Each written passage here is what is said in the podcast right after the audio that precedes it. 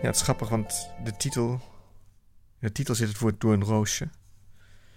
En ik hou eigenlijk wel van...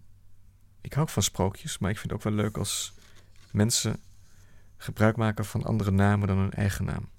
Ik vind het pseudoniem heeft wel iets romantisch en iets intrigerends.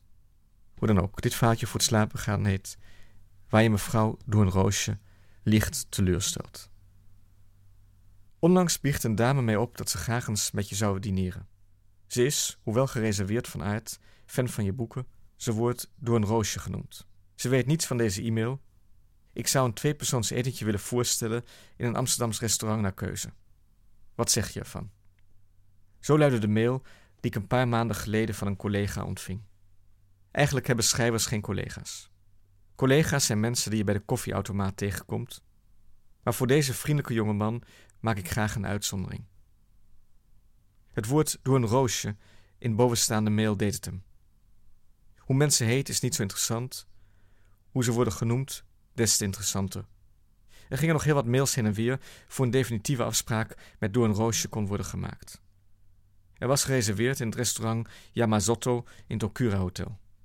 Ik zou door een roosje om tien voor zeven in de lobby ontmoeten, maar was de omstandigheden, de taxi kwam maar niet, wat verlaat. Ik had nog even geaarzeld of ik een pak moest aantrekken, maar dat leek me wat te formeel. Uiteraard hield ik rekening met de mogelijkheid dat door een roosje een blanke schrijvende man zou blijken te zijn. Maar ook dat zou de pret niet mogen drukken. Waar de pret tegenvalt, moet men zich vastgrijpen aan de voorpret. In de lobby van het Okura Hotel zat geen eenzame blanke man op me te wachten.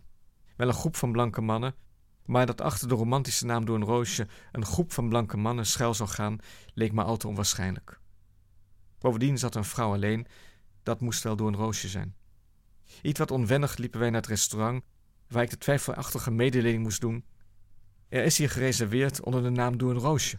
Voor de zekerheid spelde ik de naam, maar de Japanse dame vertrok geen spier. Meneer Door een Roosje, zei ze, wilt u uw jas ophangen? Nee, antwoordde ik, mijn colbertje hou ik aan. Mevrouw en meneer Door een Roosje gingen zitten. Zoals de jonge collega mij had gesommeerd, bestelde ik het Hana Kaisaki menu.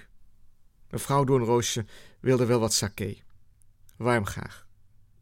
We bespraken slaapproblemen, de journalistiek, hysterie, ex-vrienden, maar niet noodzakelijkerwijs in die volgorde. Het eten was heerlijk. Wel vroeg ik me tussen de diverse gangen af hoe ik mevrouw Doornroosje precies gelukkig kon maken. De volgende ochtend zou ik naar Wenen vliegen.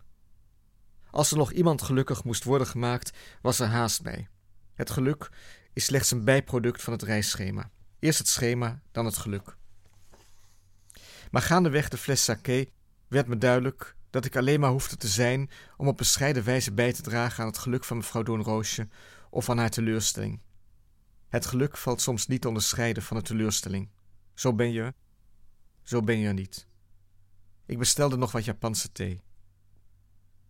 De rekening kwam, maar die was al voldaan door de collega.